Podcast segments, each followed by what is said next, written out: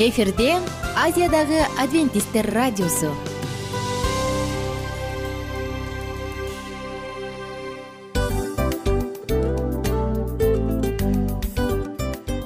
Достор салют. Баардык сүйүктүү угармандарыбызга салам айтабыз. Кутман күнүңүздөр менен. Ден соолук өмүрдүн булагы демекчи саламат саамы программасында баарыңыздарды көргөнүбүзгө абдан кубанычтабыз. Анда алгач амандашып өтөлү арбаңыздар деп. Ден соолугуңуздар кандай элибизде көбүнчө ден соолук кандай дегенде эле жакшы деп жооп беребиз э? ооруп турсак дагы жакшы дейбиз. Анан мен муну айтып ойлойт элем бул абдан сонун сөз депчи анткени бул жакшы деген үмүт да э ооба баары жакшы болот баары сонун. Деп үмүттөнүп атып эле өзүбүздү өзүбүз дарылап коебуз. Анысы кандай? Сиздин дагы ден соолугуңуз жакшы беш деген үмүттөбүз чындыгында ден соолук бул өмүрдүн булагы деп бекеринен айтылган эмес деп ойлойм. Кыргыз элинде анткени эгерде ден соолук жок болсо анда адамдын жашоосунда калган баардык керектүү маңыздуу нерселер өзүнүн баалуулугун жоготуп коет. Ошондуктан ден соолук бул эң керектүү нерсе. Ооба туура айтасың кесиптешим. Чынында ден соолугуң жок бир эки үч күн ооруп калсаң эле э кандай болуп калат? Жашоодо көз каранды болуп каласың көп нерсеге жетишпей каласың көп нерсени кыла албай каласың жада калса эшикке дүкөнгө да чыга албай каласың. Туптуура анан ден соолук болсо демек биз биздин бактыбыз тотой деп койсок болот. Анда достор саламат саамы рубрикабызды баштайлы. Алдыда өзүңүзгө керектүү болгон сонун кеңештерди уга аласыздар. Мына ошондуктан биз менен бирге болуңуздар. Ал эми биз болсо милан жана айнура. Кеттик алга. Алга саламат саама ден соолуктун жарчысы. Саламат саама ден соолуктун ачкычы. Күн сайын сиз үчүн мыкты кеңештер сонун жаңылыктар кызыктуу фактылар биздин рубрикада.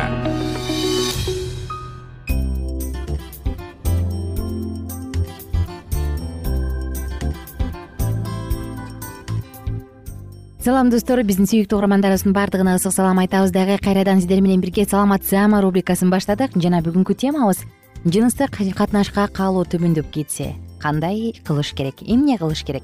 Бүгүн сиздер менен бирге биз таттуу дүүлүктүргүч деп аталган смузи жөнүндө сөз кылабыз. Ага алдыда кайтып келебиз.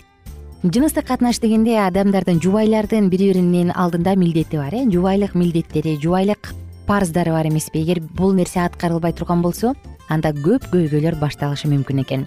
Мурунку окторубузда биз сөз кылып келгенбиз. Кандай учурда сизде кайсы белгилер бар болсо демек сизде көйгөй бар деп. Менимче ал уктуруудан кийин ар бир угарман өзүнө сөзсүз түрдө анализ жасады болуш керек. Эми биз кандай учурда негизи эле баш тартса болот? Келиңиздер ошол жөнүндө айталы э өнөктөшүңүз сиз каалабаган нерселерди кылып жатса баш тартсам мени сүйбөйсүң дейт деп ойлонуп жата бербеңиз. Эркектер сизге бир нерсе жакпай жатканын билбейт. Баарын ачык айтыңыз эгерде күйөөңүз сизди чындап эле сүйсө көңүлүңүздү оорутпаганга аракет кылат. Ортодо сый болушу керек эгерде ал жок болсо төшөктө сизди кемсинтет басынтат сизге жакпаган сөздөрдү айтып каалаганын жасайт. Анан албетте аны менен жыныстык катнашка баруу каалооңуз жоголот. Кийинкиси сиз каалабасаңыз дагы кумар алуунун түрдүү ыкмаларын жасоого мажбурлайт. Оралдык жана аналдык секс петинг жана башкалар э? Денеңиз сизге гана тиешелүү. Эч ким аны өз кызыкчылыгы үчүн колдонууга укугу жок достор үй бүлөдө адам эки тараптуу кумар алуу үчүн керек кызыгы коомчулукта аялы күйөөсүнүн каалаганын бербесе ал сол жака басат деген ойлор бар экен. Байкуш аялдары мени таштап кетпесин деп күйөөсүнүн көзүнүн кареги менен тең айлангандар бар. Башка эркек калбай калгансып бир жакшы сөз айтууга жарабаган күйөөнүн жанынан айланчыктап чыгышпайгандар бар э. Үй жыйнап тамак жасап эртеден кечке балдарыңыз менен алектенип чарчаган аялыңызга сиз каалаган учурда эле даяр болуу кыйын нерсе. Анда эмне кылыш керек? Албетте ал үчүн алгач жагымдуу шарттарды даярдаш керек эс алуу балдарыңызды бир жакка жиберип коюп жубайыңыз менен ырахаттануу дегендей. Үй бүлө бул кумар алуу. Бул маселеде ар бир түбгөйдүн милдети болот. Нормалдуу сексуалдык мамилеге барыш үчүн эркек аялын даярдап жагымдуу сөздөрдү айтып ачуу керек. Себеби аялдар эркектерге салыштырмалуу кечирээк дүүлүгөт. Эгерде күйөөсү сол жака басып үй бүлөсү алдында жоопкерчиликти албаса өзүнүн эле ырахатын ойлосо андай адам менен жашоо маанилүүбү жакшылап ойлонуп көрүш керек жыныстык жашоодо өнөктөштөр бири бирине ар кандай ооруларды жуктуруп алышы мүмкүн. Кумар алууда отуздан ашык бактерия вирус инфекциялар өткөрүлүп берилет. Ар бир адам жыныстык катнашта өзүнүн жолдорун өзү тандайт. Болгону оору жуктуруп алуудан коргонушу зарыл. Ошол эле оралдык сексти алсак жыныстык жыныс аркылуу оозго тилге жана көзүңө герпес сифилис гонорея папиллома вирус жугушу мүмкүн. Гигиенаны сактоодо атайын каражаттарды колдонуңуз жыныстык жашоо менен жашап жаткандан кийин профилактика үчүн сөзсүз жылына бир эки жолу дарыгерге кайрылып туруу керек. Кээ бир эркектер артынан кошулууну минет кылдырууну дагы каалайт. Аялына жагымсыз болуп жатабы иши да болбойт. Жыныстык катнаш мамилесинде ар бир түгөйдүн милдети болот э? Мына ушундай достор. Дагы карай турган болсок дарыгер сексологдордун пикиринде жубайлар жыныстык жашоонун ар түрдүү кылууга аракеттенип турушу зарыл көп жыл жашаса дагы сөзсүз романтикага орун берип балдарды чоңойтууну гана милдет кылып албастан айына бир эки жолу болбосо болсо дагы өздөрү үчүн майрам кылып алганды үйрөнүшү зарыл дейт. Баары көнүп калуудан монотондук жашоодон болот. Андыктан жыныстык катнашты ар түрдүү кылууга аракеттенүү керек. Күндө эртең менен ботко менен кофе иче берсең да жайсың. Бири бириңерди сүйгөндөн кийин жагууга аракет кылгыла индиялыктардын жыныстык катнаш ыкмалары бар ошолорду колдонгула дайыма эле жыныстык катнашка барганда бара бербестен дачага мейманканага батирге же болбосо табиятка барып дагы кошулса болот. Балдарыңыз же туугандарыңыз тоскоол болуп жатса аларга киного алып э, билет алып берип жибербеңиз дагы анан өзүңүзчү болсоңуз болот. Мына бул ушундай ар кандай ыкмаларды колдонсо жакшы дешет. Эми бүгүн сиздер менен айткандай афродизиактардын ар кандай мифтери бар э уламыштары. Анда айтылат да мындай деп алкоголдук ичимдиктер сексуалдык каалоону жогорулатат көбөйтөт дейт. Шекспир мындай дейт. Вино каалоону жогорулатат бирок анын ишке ашырышына жолтоо кылат дейт. Караңыздарчы тагыраак айтканда алкоголдук ичимдер физиологиялык механизмдердин баардыгын блоктоп коет. Ошол себептен улам ал адам андай катнашка барып ырахаттандыра албайт экен. Дагы бир нерсе айтат э, адамдын жашоосунда канчалык деңгээлде уйку жана башка нерсенин баардыгы жетиштүү боло турган болсо тамактануу жетиштүү боло турган болсо анда бул ушул нерсе жыныстык катнаштагы катнашка болгон каалоо дагы нормалдуу болот дейт. Бүгүн биз сиздерге айтып бере турган таттуу дүүлүгү деп аталган смузи абдан мыкты антиоксидант жана адамдын организмин тазалайт ошону менен бирге. Организмди сүйүүгө тазалоочу сонун сонун сонун сонун смузи. Анда ингредиенттер жазып алсаңыз болот эки порция үчүн. Ар бири эки жүз элүү миллилитрден. Сизге бир чашка клубника керек жарым манго бир аш кашык лимон ширеси үчтөн төрт төрттөн үч бөлүк чашка суу жарым чай кашык ваниль бир аш кашык меласа керек. Булардын баардыгы тең клубника мангонун баардыгын тең суу лимондун ширеси менен аралаштырып блендерге салыңыз. Ага ваниль кошуңуз дагы анан эрип кеткенче аралаштырыңыз. Болду сонун смузи даяр таттуу дүүлүктүргүч деп аталган смузинин касиетин айтсак афродизиак артерияларды коргойт жүрөктү коргойт антиоксидант жана тазалайт. Анын курамында биздин бир күндүк керектөлүүчү порциябызды айта турган болсок с витамининин сексен төрт пайызы бар фалат он төрт пайыз. Андан тышкары б алты витамини магний калий е витамини темир селен а витамини мына булардын баардыгы тең дал ушул смузинин курамында кездешет. Достор сексуалдык каалоону кайрадан кайтырып алыш үчүн жубайлар кандайдыр бир кыймыл аракеттин планын иштеп чыгып алганы жакшы. Анан сөзсүз түрдө ага смузини колдонуп колдонууну дагы киргизгени жакшы. Бул албетте алардын дал ушул төшөктөгү маселесин чечкенге жардам берет кааларым ар бир үй бүлө бактылуу болсун ар бир жубайлар. Өзүнүн жашоосунда эң бактылуу сүйүктүү жана керектүү адам сезсин. Мен болсо сиздер менен коштошом кийинки уктуруубузда кайрадан амандашып саатыбызды улантканча бар болуңуздар жана бай болуңуздар. Күнүңүздөр көңүлдүү маанайда улана берсин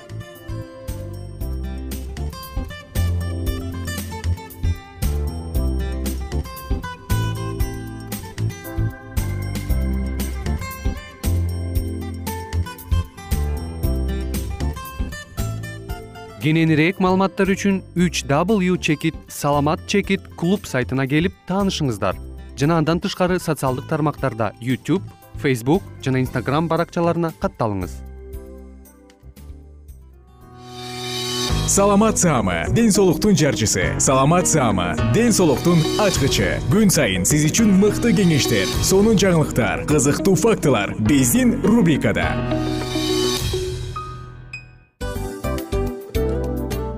салам достор. Кайрадан биздин сүйүктүү рубрикабызга кош келиңиздер деп айтмакчыбыз. Баардык замандаштарыбызга арбаңыздар деп саламыбызды айтабыз. Улуу ушундай бир э, урматтаган учурашуу менен анан дил маек радио баракчабызга чакырабыз. Негизи дил маек биздин рубрикабызда эмне жөнүндө кеп кылабыз бул дил маектин мааниси эмнеде рубрикабыз менен кичине тааныштырып кетсеңиз. Сөзсүз түрдө тааныштыра кетейин кесиптешим суранычы боюнча бул учурда бул радио баракчада биз ар тарап кесип ээлеринен сонун кеңештерди алабыз сүйлөшөбүз сырдашабыз. Аталарыбыздын эжелерибиздин апаларыбыздын кеңештерин угабыз айтор жан дүйнөгө адамдын э, сапатына адамдын деги эле адам болуп жашашына керектүү баардык кеңештер алдыда негизи э, дил маек дегенде баягы эки адамдын ортосундагы сырдашуу кенен сүйлөшүү. Негизи эле биз адамдар бири бирибиз менен бир жерге жай жерге отуруп алып өзүнчө тынч э, жашоо жөнүндө өмүрүбүздө эмне болуп атканын бөлүшкөнү жакшы көрөбүз э адамдар. Ооба туура айтасың анан мындай учурга кээде убакыт да жетпей келет э? Же болбосо сырыңды кайгыңды муңуңду кубанычыңды айткың келет а адамга ишенбешиң мүмкүн. Ооба. А бул радио баракча угармандарыбыздын чыныгы досу анткени бизден алган кеңеш сиздин жашооңузга чоң жардам берет. Ал эми сиздин бизге айта турган сөзүңүз ортодо гана сыр бойдон калат. Ошондуктан биздин дил маек рубрикабызга дагы бир жолу кош келиңиздер. Жана биз даярдаган маалыматтарга даяр болуңуздар. Айнура жана милан сиздер менен бирге алдыга кеттик ар түрдүү ардактуу кесип ээлеринен. Алтын сөздөр жүрөк ачышкан сыр чачышкан сонун маек. Дил маек рубрикасында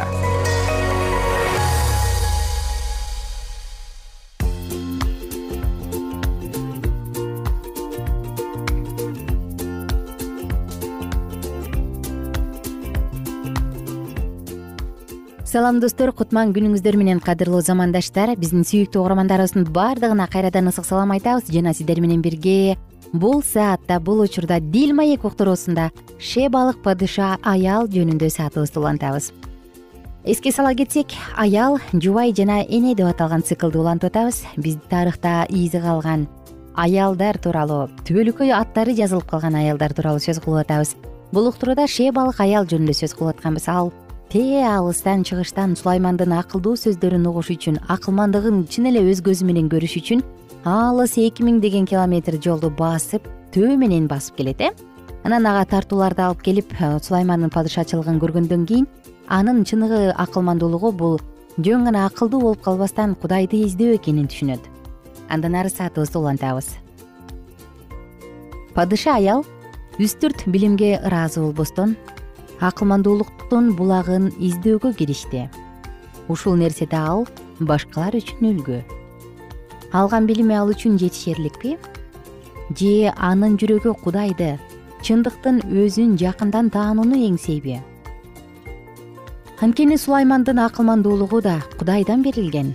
Акылдан келген акылмандуулук эмес жүрөктөн чыккан акылмандуулук эң жогорку акылмандуулук болуп эсептелет ошол акылмандуулукту таанып билген адамдын гана келечеги бар. Миңдеген жылдардан кийин элчи жакып ыйык жазууну угуу менен эле чектелип аны аткарбаган адам өзүн өзү алдаарын жазган. Сөздү угуп бирок аткарбаган адамды күзгүгө каранып ары басары менен өзүнүн кандай экенин унутуп койгон адамга окшоштурса болот.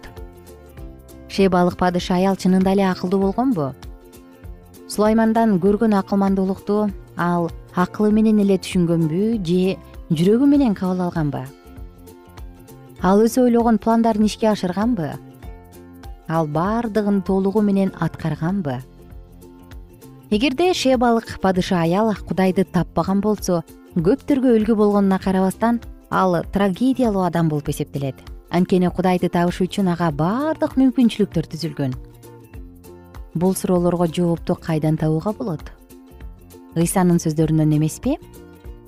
Ал шебалык падыша аялды жүйүттөрдөн өзүнүн замандаштарынан жогору койгон. Ал тургай аны мыйзам окутуучулар менен фариселерге үлгү катары көрсөткөн. Бул падыша аялдын тарыхы ийгиликтүү аяганынын далили эмеспи? Бул акылмандуулукту эңсеген аялдын тарыхы кымбаттуу достор бүгүн сиздер менен бирге шебалык аялды бүтүрдүк дагы.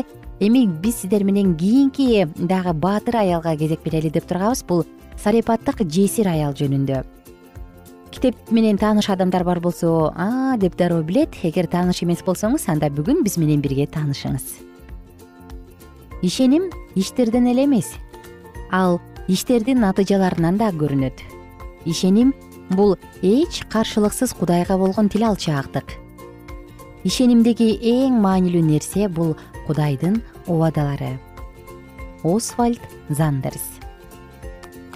Бир аз убакыт өткөндөн кийин агын суу какшыды анткени жерге жамгыр жааган эмес эле. Тир менен сидондун ортосундагы серапет порт шаарында кармель менен либанондун ортосундагы финикияда эч ким билбеген жесир аял жашайт. Күйөөсү өлүп калган көп жылдык кургакчылыктын айынан өлкөдө ачарчылык өкүм сүрүп тургандыктан жесир аял да кичинекей уулу экөө бул дүйнө менен кош айтышчудай асмандан бир да тамчы жаан жаабаганына көп күн болуп кетти. Суунун запасы түгөнгөнү турат. Кургап калган жерге эч нерсе өспөйт. Камбалар бош калды.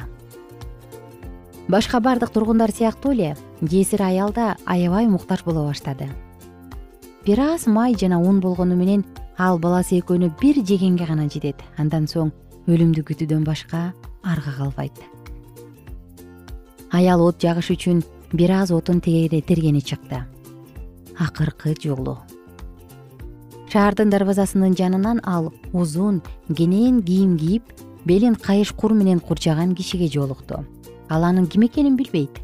Бул башка жерлик адам ысрайылдык пайгамбар ильяс эле бейтааныш ага кайрылып мага ичкенге кичине суу берчи деди. Кийген кийиминен анын кудайдын адамы экенин аял билди. Суум аз калса да аны кантип капа кылып суу бербей коймок элем сураганын берейин деп ойлоду ал. Ильястын кудайы ал аялдын кудайы эмес ал бутпарас аял бирок ысрайылдын кудайы жөнүндө көп уккан жана жүрөгүндө ошол кудайды урматтайт суу алып келгени бара жатканда артынан алиги кишинин мага бир кесим нан да ала келчи деп кыйкырганын укту. Ошондо аял ага өзүнүн муктаждыгын айтты. Менде нан жок. Жыгач челекте бир ууч гана ун кумурада бир аз май бар. Бир аз чырпык терип алып уулум экөөбүзгө тамак даярдайм. Ошону жейбиз да өлөбүз ачыгын айтсам тилекке каршы өтүнүчүн аткара албай турганымды бул башка жерлик адам түшүнөр деп үмүттөндү аял. Кайгырба деди ага жолоочу. Барып айткандай кыл. Адегенде мага ошондон кичине ачыткысыз нан жасап алып кел. Балаң менен өзүңө андан кийин жасайсың. Анткени ысрайылдын кудай теңири мындай дейт. Теңир жерге жамгыр жаадырган күнгө чейин үкөктөгү ун түгөнбөйт кумурадагы май бөксөрбөйт бул таң каларлык сөздөр эле. Алып жатса да түгөнбөй тура берген нерсени аял көрө элек болчу. Өзү ысрайылдын кудай теңирин билбесе да бул адам кудайдын атынан сүйлөп жатат деп ойлоду. Бирок анын сөздөрү орундалганына кепилдик барбы өзү жалгыз болсо балким тобокелге салат беле. Бирок бул жерде сөз жеке өзүнүн эле эмес баласынын жалгыз уулунун да өмүрү жөнүндө болуп жатпайбы окуя андан ары эмне болот? Кийинки уктурууда бирге улантабыз. Кызык э достор бутпарас аял кудайдын адамы ильяс экөө жолугуп атат дагы мага нан бышырып бер дейт. Мага суу бер дейт. Андан аркы окуя эмне болот сиздер менен бирге тыңдайбыз. А биз болсо азырынча убактылуу гана сиздер менен коштошобуз. Күнүңүздөр ийгиликтүү улансын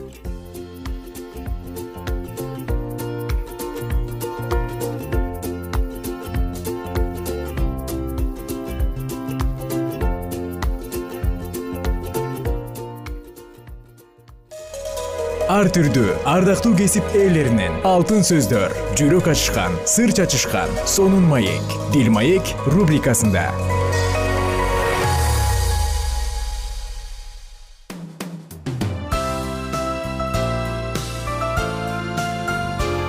Эфирде азиядагы адвентисттер радиосу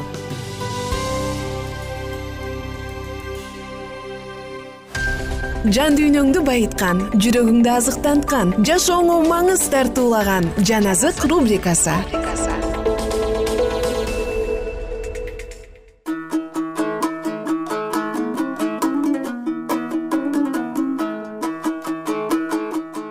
Салам достор. Жалпы биздин сүйүктүү каармандарыбыз менен кайрадан амандашып жан азык уктуруусун баштадык. Жана жан азык уктуруусунда сиздер менен бирге даниил китебин окуп жатканбыз. Андан ары улантабыз даниэль үчүнчү бөлүм. Небуходоносор падыша бийиктиги алтымыш чыканак туурасы алты чыканак болгон алтын буркан жасап аны бабын өлкөсүндөгү дур талаасына койду. Анан небухаденасар падыша орноткон буркандын салтанаттуу ачылышына келишсин деп падыша небухаденасар жергиликтүү төрөлөрдү жогорку бийликтегилерди аскер башчыларды жогорку сотторду казына кармоочуларды мыйзам чыгаруучуларды сотторду жана бүт дубан башчыларын чогултканга киши жиберди. Жергиликтүү төрөлөр жогорку бийликтегилер аскер башчылар жогорку соттор казына кармоочулар мыйзам чыгаруучулар соттор жана бүт дубан башчылары падыша небухаданасар орноткон буркандын ачылышына чогулуп небухаданасар өткөргөн буркандын алдында турушту. Ошондо жар салуучу катуу үн менен мындай деп жарыя кылды. Элдер уруулар жана улуттар силерге жарыя кылынат. Сурнайдын чоордун лиранын арфанын гуслинин волынканын жана башка ар кандай музыкалык аспаптардын үнүн угаарыңар менен небухаданасар падыша орноткон алтын бурканга таазим кылгыла ким жыгылып таазим кылбаса ал ошол замат жалындап күйүп турган мешке ыргытылат. Ошондуктан бардык элдер уруулар жана улуттар сурнайдын чоордун лиранын арфанын гуслинин жана башка ар кандай музыкалык аспаптардын үнүн угушаары менен небухаданасар падыша орноткон алтын бурканга таазим кылышты. Дал ушул убакта каздимдерден бир нече киши келип жүйүттөрдү жамандашты. Алар небухаданасар падышага мындай дешти. Падыша түбөлүк жаша. Падыша сен сурнайдын чоордун лиранын арфанын гуслинин волынканын жана башка ар кандай музыкалык аспаптардын үнүн уккан ар бир адам алтын бурканга жыгылып таазим кылсын. Ким жыгылып таазим кылбаса ал жалындап күйүп турган мешке ыргытылсын деп буйрук бергенсиң. Падыша сенин буйругуңа баш ийбеген адамдар бар. Алар бабыл өлкөсүнүн иштерин башкарууга өзүн койгон шадрах мешах жана абетнего деген жүйүт эркектери. Алар сенин кудайларыңа кызмат кылбай. Өзүң орноткон алтын бурканга табынбай жатышат. Ошондо небухаданасар ачууланып каарданып шадрахты мешахты жана абетнегону алып келүүнү буйрук кылды. Аларды падышага алып келишти небухаданасар аларга мындай деди.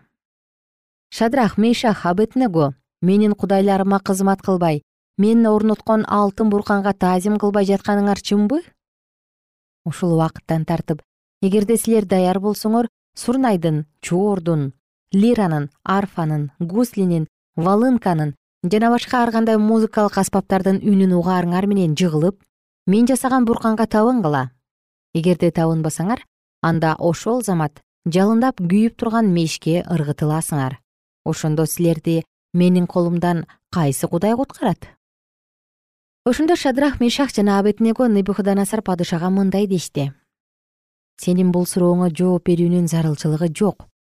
Биз кызмат кылып жаткан кудайыбыз бизди жалындап күйүп турган мештен куткара алат падыша. Ал сенин колуңдан да куткарат. Андай болбогон учурда да падыша сага маалым болсун. Биз сенин кудайларыңа кызмат кылбайбыз. Сен орноткон алтын бурканга табынбайбыз.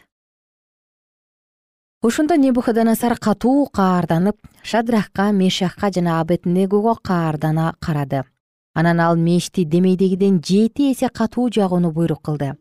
Анан өзүнүн аскерлеринин эң күчтүүлөрүнө шадрахты мешахты жана абетнегону байлап жалындап күйүп турган мешке ыргытууну буйрук кылды ошондо алар бул үчөөнү байлап ички тышкы кийимдери башындагы чалмалары менен жалындап күйүп турган мешке ыргытышты. Падышанын катуу буйругу боюнча мечтеги от алуулунту жагылгандыктан шадрахты мешахты жана абетнегону ыргыткан адамдар оттун жалынынан өлүштү. Ал эми шадрах мешах жана абетного үчөө байланган бойдон жалындап күйүп турган мечтеги отко кулашты небухаданасар падыша таң калып шашылыш тура калып төрөлөрүнөн биз отко байланган үч адамды ыргыттык беле? деп сурады. Алар падышага ооба падыша! деп жооп беришти. Буга ал мен байланбаган төрт адамды көрүп турам. Алар оттун ичинде басып жүрүшөт. Эч кандай зыян тартышпаптыр. Төртүнчүсү кудайдын уулуна окшош экен! деди. Ошондо небухаданасар жалындап күйүп турган мештин оозуна келип шадрах мешах абетнего баарынан жогорку турган кудайдын кулдары мештен чыккыла бери келгиле деди. Ошондо шадрах мешах жана абетного от ичинен чыгышты. Жергиликтүү төрөлөр жогорку бийликтегилер аскер башчылар падыша кеңешчилери чогулуп аларды карап чыгып алардын денесинен от зыян келтирбегенине башындагы чачтары күйбөгөнүн кийимдери өзгөрбөгөнүн ал турсун алардан оттун жыты да келбегенин көрүштү.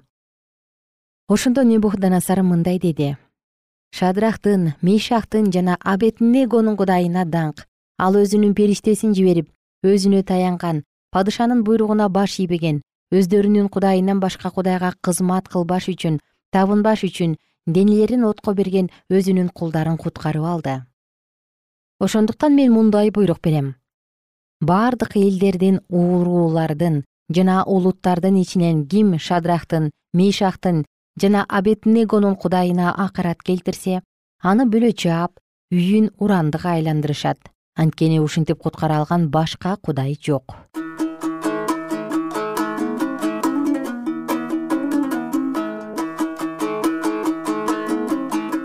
ардактуу достор биз уктуруубузду ушул жерден токтотобуз. Кандай гана кызыктуу окуя караңыздарчы. Жети эсе жалындап күйгөн отко үчөөнү ыргытканда алардын кийими да чачы да өрттөнгөн жок. Ал тургай от жыттанган да жок дейт. Мындай кереметти бир гана баардыгынан жогору турган кудай гана жасай алат. Ошол кудайга таяналы биз сиздер менен кийинки уктуруубузда амандашабыз. Күнүңүздөр көңүлдүү улансын эгер сиздерде суроолор болсо же көбүрөөк маалымат билем десеңиз анда биздин whatsapp номерибизге жазыңыз. Плюс бир үч жүз бир жети жүз алтымыш алтымыш жетимиш. Кайрадан плюс бир үч жүз бир жети жүз алтымыш алтымыш жетимиш